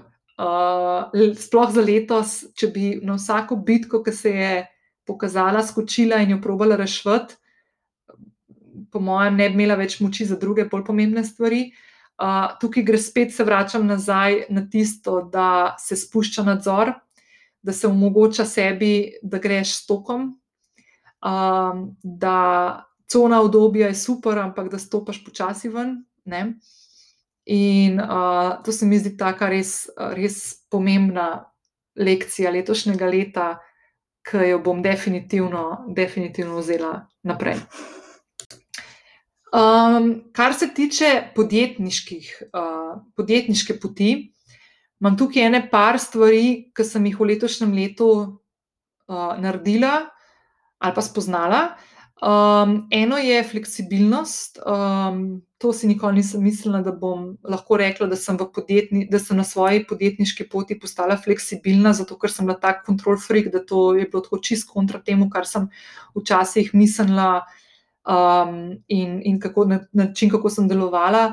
Tudi agilnost, se pravi, da se znaš na hitro prilagajati določenim spremembam. Naprimer, en tipičen primer tega, kar lahko izpostavim v, svoj, v svojem eh, letošnjem letu, je, da sem jaz več kot 80 odstotkov dela, ki sem ga upravljala, ali pa vem, prihodkov, ki sem jih naredila, uh, sem, jih prek, sem jih naredila prek spleta, ne, tako ali drugače. Uh, ogromno je bilo tukaj izobraževanja, uh, izobraževanja naročnikov na področju komunikacije. Uh, veliko je bilo tukaj tudi konec koncev sodelovanja s podjetji, uh, ki so v letošnjem letu želela sodelovati z mano. Tukaj lahko izpostavim Generali, mo mojo zavarovalnico, uh, izbrano zavarovalnico, ki je z mano dvakrat sodelovala in to dvakrat na dveh izzivih, ki sta tako res bila ključna. Eno je, da si izrihtam zavarovanje, uh, in drugo je, da postavim spletno trgovino in nov vir prihodka, kar je bila ena od ključnih namer za letošnje leto, in generali tukaj stomi ob strani. Uh, pa NLB z okvirjem pomoči, ki so v bistvu se tako lepo usedli na vsa moja prepričanja, ki so se letošnje leto še tako še dodatno okrepila, in to je, da se spodbuja podjetnike, male mikropodjetniške zgodbe slovenske, in da se podpira slovenske medije, s katerimi jaz delujem že 16 let kot PR-ovka, in, in me srce boli, ko, ko vidim, kako ugašajo mediji. Uh, pa ne samo zato, ker zginjajo iz trga, ampak tudi zato, ker se manjšajo ekipe novinarjev in s tem manjšajo uh, zgodbe, manjšajo, manjša njihov. Njihova moč, oziroma njihovo mesto v družbi, da so četrta veja oblasti. Uh, jaz sem fulž žalostna že nekaj časa zdaj, ko gledam, kako enostavno in hitro se lahko reče, da je neki fake news, zdaj tudi prenosane. Uh, zato ker je to ful nevarno, ker to zgublja, zgubljamo ljudje zaupanje potem v, v četrto vejo oblasti, ki je ključna in nujna uh, za to, da nam osmišlja nek svet, da se konec koncev nadzoruje ostale tri veje oblasti. Mediji imajo ful pomembno vlogo, ki po mojem je še v letošnjem letu bila še toliko bolj pomembna. Um, in um, to, da sem lahko delala na projektu Okvir pomoči, ki ga je NLB zasnoval, pa agencija Internauti. Najprej sem fulh hvaležna, da sem lahko bila del tega. Pa sem takoj zatem hvaležna, da, da so se odločili, da kot oglaševalci ne potegnejo denarja iz medijev, ker ga mediji krvavo potrebujejo, in da so s tem, uh, uh, z, denar, oziroma z prostorom, ki so ga imeli zakupljenega za svoje oglase, za NLB oglase v poletju, da so to odprli za podjetnike, da so se predstavljali uh, prek televizije, billboardov, bannerjev, Facebook oglaševanja, tiskanih oglasov in še druge stvari. In mi je bilo to tako res. Tako, tako lepo je zaobjelo vse stvari, v katere jaz verjamem in do katerih sem strastna, da, da je bilo to, to, to nekaj tako lepega. Tako, tako je bilo lepo poletje, ker sem lahko te stvari vključevala in bila del tega. Tako da, uh, kot sem rekla, en kup enih stvari sem letos prenesla na svoje kanale, prenesla na, na, na splet. Uh, ne morem pozabiti in ne morem ne izpostaviti mojce in maše, uh, s katerimi smo se že poleti pogovarjali o tem, da bi naredili eno spletno delavnico za podjetnice in podjetnike, um, da nekako v vanjo vključimo vse tiste naša tri področja, na katerih delamo, se pravi, pri meni komunikacija, pri Maši brand strategija in pri mojci prodaja prek konkretno Facebook oglasov, ki mimo grede lahko tudi jaz povem iz prve roke, da ful, ful funkcionirajo, ker mi ima tudi meni mojca pomagala to postaviti. Mm, in sem ful vesela, da smo novembra speljali prvo delavnico v živo, zdaj bomo imeli drugo med 15 in 17 septembrom. Uh, in bo zadnja v taki obliki, zato ker smo ugotovili, uh, še ena stvar, ki je tudi spoznanje, je prav, da ga skozi imamo, to ne velja za, samo za leto 2020, ampak da včasih, ko pripravljaš stvari, potem, ko jih izvedeš, ugotoviš en kup enih stvari, ki bi jih lahko ali naredil boljše. Uh, ali drugače zapakiral, in tako. In jaz lahko rečem, da ta delavnica 360 Bootcamp je totalno preobsežna in totalno preveč norih stvari damo noter za ceno, ki smo jo postavili. Tako da smo se odločili, da bomo zdaj decembra, ker smo to že komunicirali, to še speljali po teh cenah in s tem obsegom in s temi bonusi, ki jih dobi vsak udeleženc, uh, potem bomo pa cene z januarjem uh, dvignili in, uh, in oblik, preoblikovali delavnico. Tako da, če koga zanima, ne res skoči, ker se res plača. Uh, ja, in potem vrčevanje. Evo, tako, kar lahko nekako future-proofam sebe. Uh, bom pač poskušala to narediti. Uh, jaz sem začela te stvari um, podobno kot pri izobraževanju in spletnih tečajih, ki jih kupujem. No, jaz to jemljem kot investicijo, ne kot strošek. Um, in sem tudi ogromno enih stvari v letošnjem letu, ki sem jih še nedolgo nazaj imela za nek tak strošek. No, zdaj pa, ali naredim to ali ne, ali predstavim za kakšen boljši čas, ki bom mal bolj bila sigurna, a ne pa bolj, ki bojo časi bolj uh, mirni kar ne bo nikoli, ne, mimo grede, vedno so kakšni izzivi, uh, da bom to takrat naredila, ampak ne, sem se odločila, da v letošnjem letu se mi je zdelo ful pomembno ravno to spoznanje, da poskušamo tam, kjer lahko, uh, si pač zagotoviti neko varnost. Uh, V kakršni pač koli obliki jo potrebujemo, čist zavarovati vsega, in tako ne moramo. Uh, potem uh, spoznala sem, predvsem v zadnjem obdobju, in mimo grede bom še to polinkala, v četrtek, naslednji teden, če to spremljaš v realnem času, se pravi 3. decembra, bomo imeli spet z mojcem Maša brezplačni webinar, na katerem bomo govorili, kako načrtuješ leto in kako si postavljaš cilje. Um, pa lahko vam naredim en spoiler, da jaz sem v tem ful slaba in se tega učim od mojce in Maša in se ful veselim, ker bom letos cel decembr si vzela za to, da bom načrtovala leto 2021 uh, in ugotavljala, kaj so še tiste stvari, ki jih uh, lahko naredim, ki so povezane z mojim zakajem, seveda. Um, in um, ful mi je všeč, ker bomo govorili tudi o tem, da ko postavljamo cilje kot podjetnice, ni pomembno, da samo gledamo uh, finančni del, ne, ampak tudi uh, zadovoljstvo, srečo, ta, ta happiness index. Ne. Uh, tako da bomo ful o tem govorili. Tako da, če kakšno zanima, se lahko prijavi na brezplačni webinar 3 decembra ob 18. uri. Uh, link bom pustila spodaj, tako da laufite. Um, potem spet ne, odnosi, komunikacija, toplina, bližina. Um, na živce mi gre ta beseda, socialna distanca, že od samega začetka, ker mi je tako oksimoron, ki ni človeški, ni, družab, ni družben. Ljudje smo družabna bitja, ljudje rabimo bližino.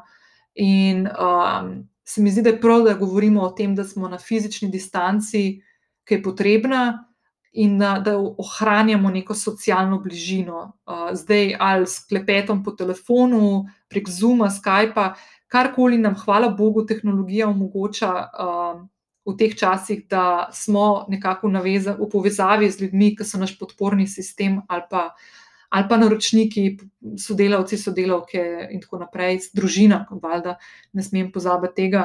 Um, jaz sem v letošnjem letu imela tudi na družinski ravni, ful, ful, veliko izzivov.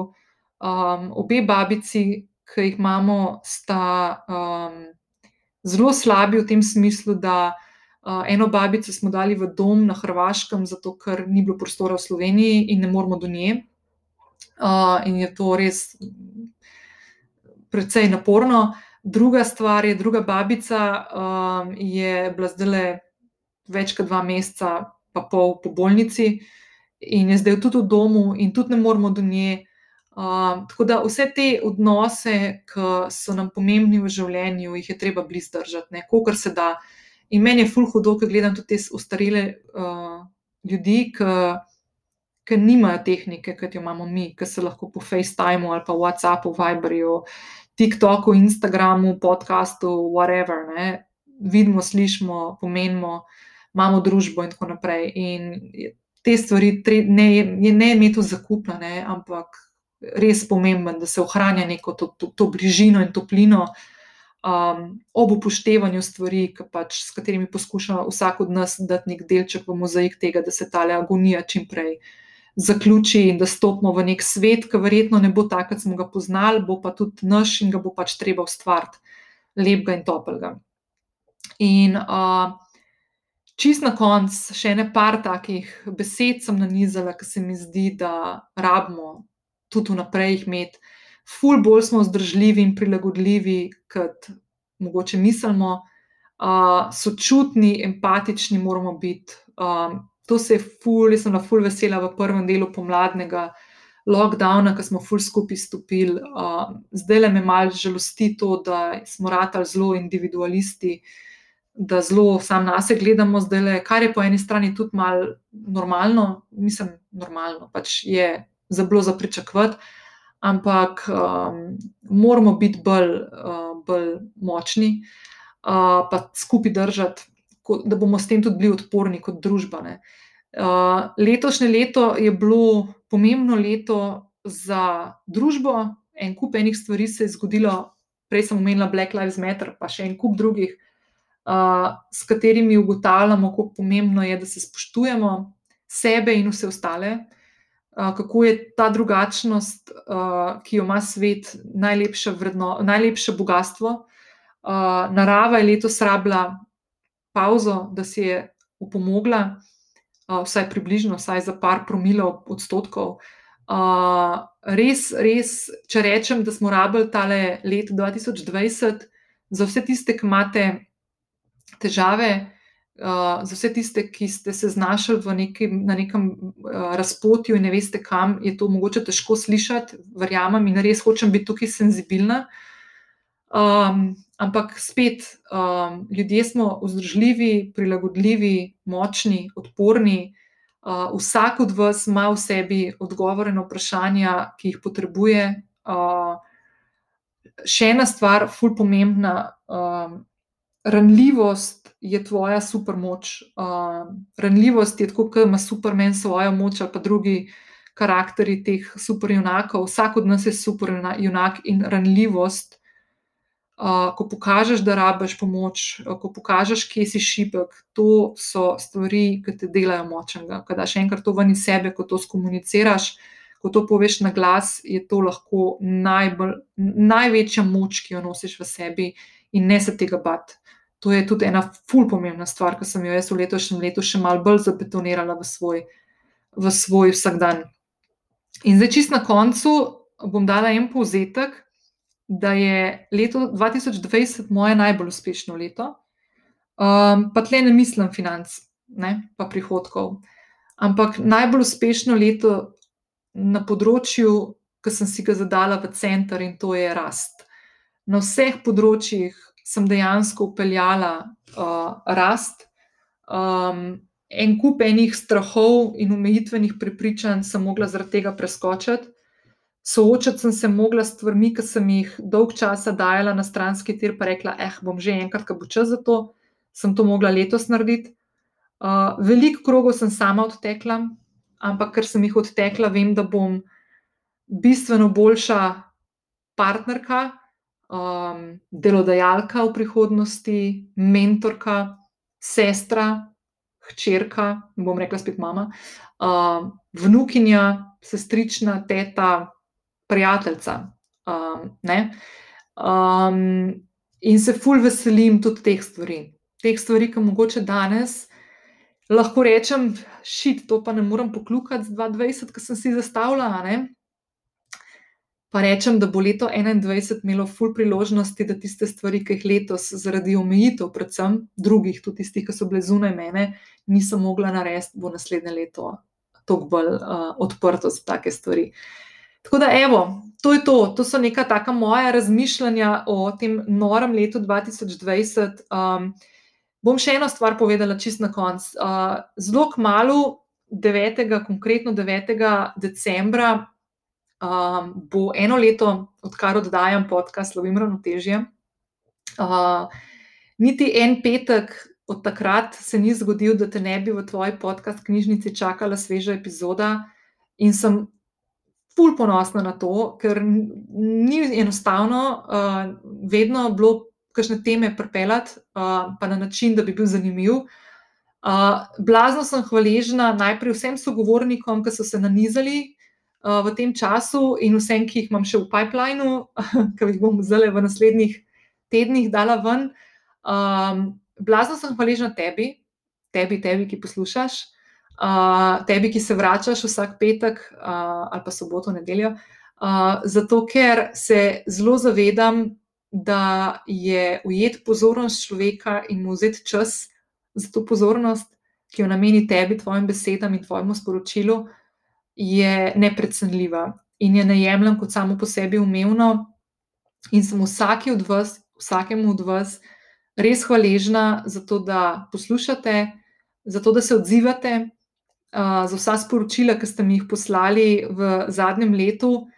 Um, jaz načeloma številk ne gledam, um, ampak vsakeč, ko odprem tole aplikacijo, pri kateri oddajam podcast, vidim, koliko je bilo prenosov. Uh, po mojem, bomo do konca leta prišli na 150 tisoč. Uh, jaz ne vem, ali je to veliko ali ne, meni se zdi tako ogromno, noro velik. Um, in to, da vsak teden vas par tisoč pride in posluša podcast in si vzame čas za, za, za moje sporočilo uh, in stvari, ki vam jih hočem dati, bi res rada, da veste, da z veliko odgovornostjo uh, pripravljam te vsebine, um, zato ker se zavedam, da. Um, Da stvari, ki jih predajam, predvsem želim dati take stvari od sebe, ki bo še komu kaj v pomoč. Uh, zelo pazem, kakšne tematike odpiram, uh, zelo pazem, da imam kakšno stvar, ki imam zapovedati, da ne govorim o stvarih, ki so mi tuje. Uh, zelo zbiram tudi sogovornike, zato ker hočem imeti take, ki bojo tudi nekaj dali vam za razmišljati, ali pa da vam bojo pokazali kakšen način razmišljanja, ki vam je še bil tuj, ali pa še, o čemer še niste razmišljali, pa vam mogoče kakšno iskrico sproži v glavi. Um, in predvsem vedno izhajam iz tega občutka, ki se ga ne, nočem in ne bom in nikoli se ga nočem znebiti, da smo si bistveno bolj podobni kot različni in da je to taka neka tema, uh, taka rdeča nit tega podcasta, ki želim, da ostane tudi naprej. Um, lahko še povem, da sem full vesela, ker bom v naslednjih tednih, uh, ali pa mogoče že kar kmalo, še nove vsebine uh, pripravila in vam bom nekako v vašo smer poslala še več stvari in se tega full veselim. Uh, do takrat pa lahko se mi javiš kadarkoli, lahko na mail, lahko prek spletne strani, lahko na podcast aplikacijo napišeš svoje mnenje ali pa sporočilo, ali se mi pa javiš na Instagram, uh, pa mi poveš, če imaš kakšno temo, če imaš kakšno um, zadevo, ki bi jo želela podiskutirati z mano, ali pa kakšno vprašanje, kakšno pripombo, kakšno kritiko, konstruktivno, tudi to je vedno fino. Zdaj, čist na koncu, uh, bom se pa še sprehodila čez par, um, čez par stvari, ki ste mi jih poslali na Instagram, neka spoznanja za leto 2020, ki ste jih ve, drage poslušalke, mi zapisali in poslali, pa bomo potem se poslovili. Ok, bom anonimno, ker sem obljubila, da bo anonimni. Evo, ta, zadnj, ta zadnje sporočilo je bilo, da so podcasti live, uh, se strinjam. Uh, meni so ful delali družbo v letošnjem letu, tudi že prejšnja leta, ampak se mi zdi, da to, kar sem pa letos preposlušala, pa mislim, da prej nisem nikoli. Uh, kljub raz, razlikam, nujno moramo sprejeti realnost drugega, da smo vsi povezani v eno celoto, absolutno. Sprejmi, odpusti in spusti, da gre naprej. Ful pomembno. To je tisto, kar sem rekla, spust nadzor, zbiraj bitke, pozabi stvari, odpuščaj. Um, boljše obvladovanje čustev, več doma, brez drugih motilcev, pri katerih bi lažje izražala čustva. Ja. Uh, da je čisto ok, da se malo ustavimo, da je tudi ok, če ni ok. Potrpežljivost, uh, da moramo narediti korak nazaj in biti hvaležni za mehke stvari, absolutno. Skromnost, odpuščanje, potrpežljivost, ful dobro, da sem zdaj to pogledala, ker sem potrpežljivost pozabila dati. Da ne smeš vsakemu podariti sebe na pladnju, ful dobro. Letos sem slišala en ful dobro quote, mislim, da je od Oprah Winfrey, da si čisto vsak človek v tvojem življenju ne zasluži slišati tvoje zgodbe. Se pravi, da zbiraj ljudi, ki si zaslužijo, da slišijo tvoje zgodbo ali pa tvoje razmišljanje. Uh, da se sreča začne doma in da, da, da sem za njeno prisotnost odgovorna samo jaz. Absolutno. To, da greš iz tega trikotnika drame, ali pa vloge žrtve, da vzameš um, nadzor nad tem, kar se dogaja uh, v svoje roke. Ful dobr podcast je imel uh, Klemen na AID-ji z Mihatom Macinjem in je veliko Miha govoril o lokusu kontrole. Uh, to pomeni, um, kje, kje imamo ljudje um, občutek, da naše življenje upravlja ali neka zunanja sila, se pravi, da nismo odvisni, mi, mi, ni od nas odvisno, kaj se dogaja, ali da smo odvisni. Ali imamo noter postavljen ta lokus kontrole, ali ga imamo zunaj. In predvsem pri ženskah imamo to rade zunaj, ne? slovenci smo pa kot narod nagnjeni k temu, da imamo zunaj. Ne? Ne Brusel je tisti, ki določa, Un je tisti, ki to reče. Miha je rekel, še celo tako fulje izpostavil. Melanija je bila zdaj prva dama, pa bo poskrbela za prepoznavnost Slovenije, pa take stvari, ki so bile pred štirimi leti. No, ampak v glavnem ima veze. V glavnem, če koga to več zanima, lokus kontrole, teorija, ful, ful, dobro. Uh, Tle je ena napisala, da je leto en tak nevreten, ironičen čudež. Ne? To je to, kar sem tudi že govorila, da v bistvu mi je to najbolj noro leto in najbolj potrebno leto bilo za mene. Naprimer, da moramo najprej poskrbeti zase in za svoje mentalno in fizično zdravje, tako kot na, na letalu, ne? najprej sebe. Um, ena mi je napisala, da je, da je dobila pot od študentke do samostojne podjetnice zelo nepričakovano in da ji uspeva in da je full veselen, ponosna, bravo. Uh, vsake leto so odprl podjetje, vam povem že zdaj, da ste že zaradi tega zmagovalci, tako res, to, je, to, to kaže na to, da, ste, da grizete in da ste odporni, uh, vzdržljivi, prilagodljivi. To je fuldober. Uh, več časa v naravi. Uh, da sem zbrala dobrega partnerja, uh, zato ker uh, lahko dela v zdravstvu in je on doma z otroci. Hvala, hvala vsem, ki ste mogoče v zdravstvu delate ali pa na področju mentalnega zdravja, tudi vsem tistim službam, ki dejansko so celo leto tekle, da ni bilo noč, se vam tudi jaz iskreno, ful zahvaljujem in uh, sem vam hvaležna za to, da ste dostavljalci hran, taksisti, vozniki, zdravstvene osebje. Pač cela ta, konc koncev, tudi državni uradniki, seveda, ne, da ne bomo delali kakšnih izravnalk. Uh, ugotovila sem, kdo so pravi prijatelji in da sem presneto močna oseba, ko moram biti. Ja, bravo. Kako pomembna je družina, kako lepa je Slovenija. Mislim, da smo to letos vsi ugotovili še dodatno, da, imamo, da živimo v raju in da vsi malo pogrešamo potovanja, ampak da imamo res veliko kotičkov tudi v Sloveniji, ki jih moramo še odkriti. Da je prav, da se ustavimo in vzamemo čas zase, ko ga potrebujemo, da so zdravje in odnosi največ vredni. Danes vem, kam je dobro usmerjati svojo energijo, full dobro um, da moje sposobnosti niso fiksne, da lahko vedno izboljšam kaj na svojem področju. Bravo, ful dobro. To je ta rast, ne? se pravi, da vedno, vedno, vedno si na poti. Um, to je tisto, kar sem jaz zapisala, da lovim ravnotežje, ga nikoli ne ujameš in da pot ni pomembna, da ni pomemben cilj, ampak je pot. In da poskušam v življenju, to sem tudi na, letos na novo odkrila, da igram igro brez konca, se pravi, ni cilja, ampak hočem se imeti pa fajn v stvarih, ki jih počnem in v življenju, ki ga, ki ga delam. Um, da evo, spet najbolj pomemben čas, ki ga sebi nameniš. Uh, da ponavadi sem vedno delala rada vse za druge, ampak od zdaj naprej sem pa ugotovila, da moram zase najprej poskrbeti. Hvaležna svojim družini, prijateljem, da sem si postavila jasne cilje za prihodnost, potrpljenje. Um, potem tukaj je še ena, ki je dala odpoved, uh, in da je iz SP-jev, ki je prišla na pogodbo za poslitvi uh, in da danes dela v okolju, kjer je njeno delo cenjeno, bolj pomembno. Vsak od nas hoče biti, um, imeti smiselno delo, vsak od nas hoče biti um, zaželen oziroma potreben v neki stvari, sploh v pr pr delu, ne, želimo pač delati tiste stvari, s katerimi dajemo smisel neki stvari, ki jo počnemo, ne, karkoli to je uh, da je pokazalo prave obraze ljudi in vrednosti mnogih stvari, ja, da se mogoče poslovimo tudi od koga. Uh, da dejansko nimam vsega v glavi poštimanega, ampak tudi to je ok, hej, noben ima, jaz imam toliko enih stvari. Včasih dobim kakšno sporočilo, ki mi tako napišete, jo, pa ti imaš vse to tako razdelan. O moj bog, nimam. Koliko imam jaz še enih stvari, jo, reč ne začnem. Uh, ful stvari imam jaz za predelati, pa se ful veselim, ful imam še dolgo življenje pred sabo in do zadnjega dneva se, bom, se bomo učili, pa krepili. da, uh, da denar ni vreden trpljenja v pogojih, ki so slabi za, psihi, za moje psihično zdravje, absolutno. Ena, ki ima vadbe, ki je vadbena učiteljica Pilates, je napisala, da gre lahko z vadbami na online in da tudi živi od tega, in da ima končno svoj virtualni vadbeni studio. Bravo.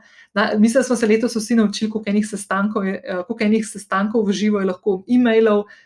In tudi jaz, ki si nisem nikoli predstavljala, ker sem vedno imela v glavi, da pač moje delo zahteva odnose ena na ena komunikacijo, da vidim človeka. Danes imam 80% podjetja na spletu. Tako, meni je to dve leti leto nazaj, sem mislila, da ti nisi normalna. In mimo grede, ne samo to, ful močnejše, močneje stkane uh, vezi imam in z naročniki, in konec koncev s skupnostjo, med katerimi ste tudi vi, ki komuniciramo, pa se pogovarjamo o različnih stvarih. Um, da na nekatere stvari nimamo vpliva in da se brez veze zaradi njih sekirati, absolutno. Da si zamoramo zaploskati, zaupati in se sprejeti. Uh, vedno sem mislila, da sem full šipka, danes pa ugotavljam, da sem cela borka. Bravo. Uh, hvaležnost, fulje teh tem o hvaležnosti. Um, da je pomembno, da se hitro prilagajamo spremembam, da vemo, kdaj se moramo ustaviti, da ne pregorimo, da se skozi izobražujemo. Um, spet hvale, fulje hvaležnosti, da so, spreme, da so spremembe edina stalnica v življenju, da je življenje nepredvidljivo, ga ne moreš načrtovati uh, in da je ok, tudi če imaš zdaj spontan, kakšen hikap. Uh, da nikoli ni tako slabo, da ne bi mogli biti še slabši, zato se nimamo ok za pritoževati in vse kul. Cool. um, ful, ful časa, strpnosti, prilagajanje, uh, uh, nove vrednote, reset vrednot da ne jemljemo več stvari in življenja samoumevnega. Um, da vsi tisti, ki ste introvertiranci, uh, da vam je bilo full fine, da letos ste v bistvu. Uh, jaz sem ugotovila, da letos ogromno enih ljudi, ki, so, ki, so, ki imajo zelo izrazito in, introvertirano stran, so rada zelo družabni na teh um, uh, omrežjih, kot so Zoom, Skype in tako. Mislim, in, in, in obratno, ne? nekateri, ki smo bili pa prej tako full ekstrovertirani, smo pa tudi rabili malce za sebe zadihati. Ne? Tako da, ja, um, razpad se mi je zgodil na vseh področjih. Zakaj je to dobro, še ne vem, ampak upam, da kmalo ugotovim. Uh, ja, absolutno. In mimo grede, vsi, ki imate, uh, vsi, ki imate takšne občutke, um, da še ne veste, zakaj se kakšna stvar dogaja. Uh, Imejte odprte oči, pa všesa, uh, pa spremljite, kaj se bo dogajalo v naslednjem obdobju pa probejte poiskati neke stične točke, zato ker so ta spoznanja ful pomembna. Tako da, ja, super, ful hvala vsem, ki ste se javljali, javljali, predvsem ženske, tudi moškim, še enkrat hvala vsem, ki poslušate, hvala vsem tistim, ki vam. Uh, ni, ni panike, da govorim o ženskem spolu, in, um, in poslušate vi, in se vam zdi mogoče malo čuden, ampak tako pač je. Uh, tako da hvala še enkrat, uh, še en petek je za nami, zadnji novembrski v tem letu. Uh, jaz se vam fulj zahvaljujem še enkrat za pozornost, za čas, uh, za vse trenutke, ki jih konc koncev tukaj, ki sedim v svoji pisarni za mikrofonom um, in gledam v steno, na kateri imam napisane uh, stvari, ki sem si jih lani uh, zapisala, da jih hočem doseči, in imam samo še eno kljubico za narediti od osmih, samo povem. Uh, uh, moram nove stvari napisati. Um, se vam fulj zahvaljujem za to, ker lahko imam tu tako fajn družbo vsak, vsak teden, ko uh, pripravljam te vsebine in imam, mis, in, in imam v misli vse vas. Uh, Ker razmišljam, kako na kakšen način zapeljati vsebino, kakšno vprašanje postaviti sogovornikom, ali pa, ali pa kakšno uh, solo epizodo spet pripraviti. Tako da, evo, to je to, uh, speljali smo do konca. Jaz mislim, da bo ta epizoda ful, ful kratka, ampak evo, spet, spet ne. Ja, jaz urado govorim. Tako da, evo, hvala vsem, ki ste zdržali do konca. Uh, ne bo preostanek leta, vse se če slišimo, to ni zdaj tisto, vse če novo leto. Ne, ne bo preostanek leta res vaš, pa res spremljite, kaj se dogaja okrog vas. Uh, probite iskati priložnosti okoli sebe in v sebi, pa kakšne odgovore na vprašanja, ki se definitivno nahajajo tudi okrog vas. Uh, tako da, ja, lepo se imejte, lep petek, lep vikend, mislim, da celo se z nas zgodi, da bo nek prvi sneg padel. v nižinah, uh, lepo bote, pa se slišmo naslednji teden, ko bo z mano spet ena full fine sogovornica, uh, s katero sem imela full dober pogovor in ko mi čakam. Lepo se majte, čau!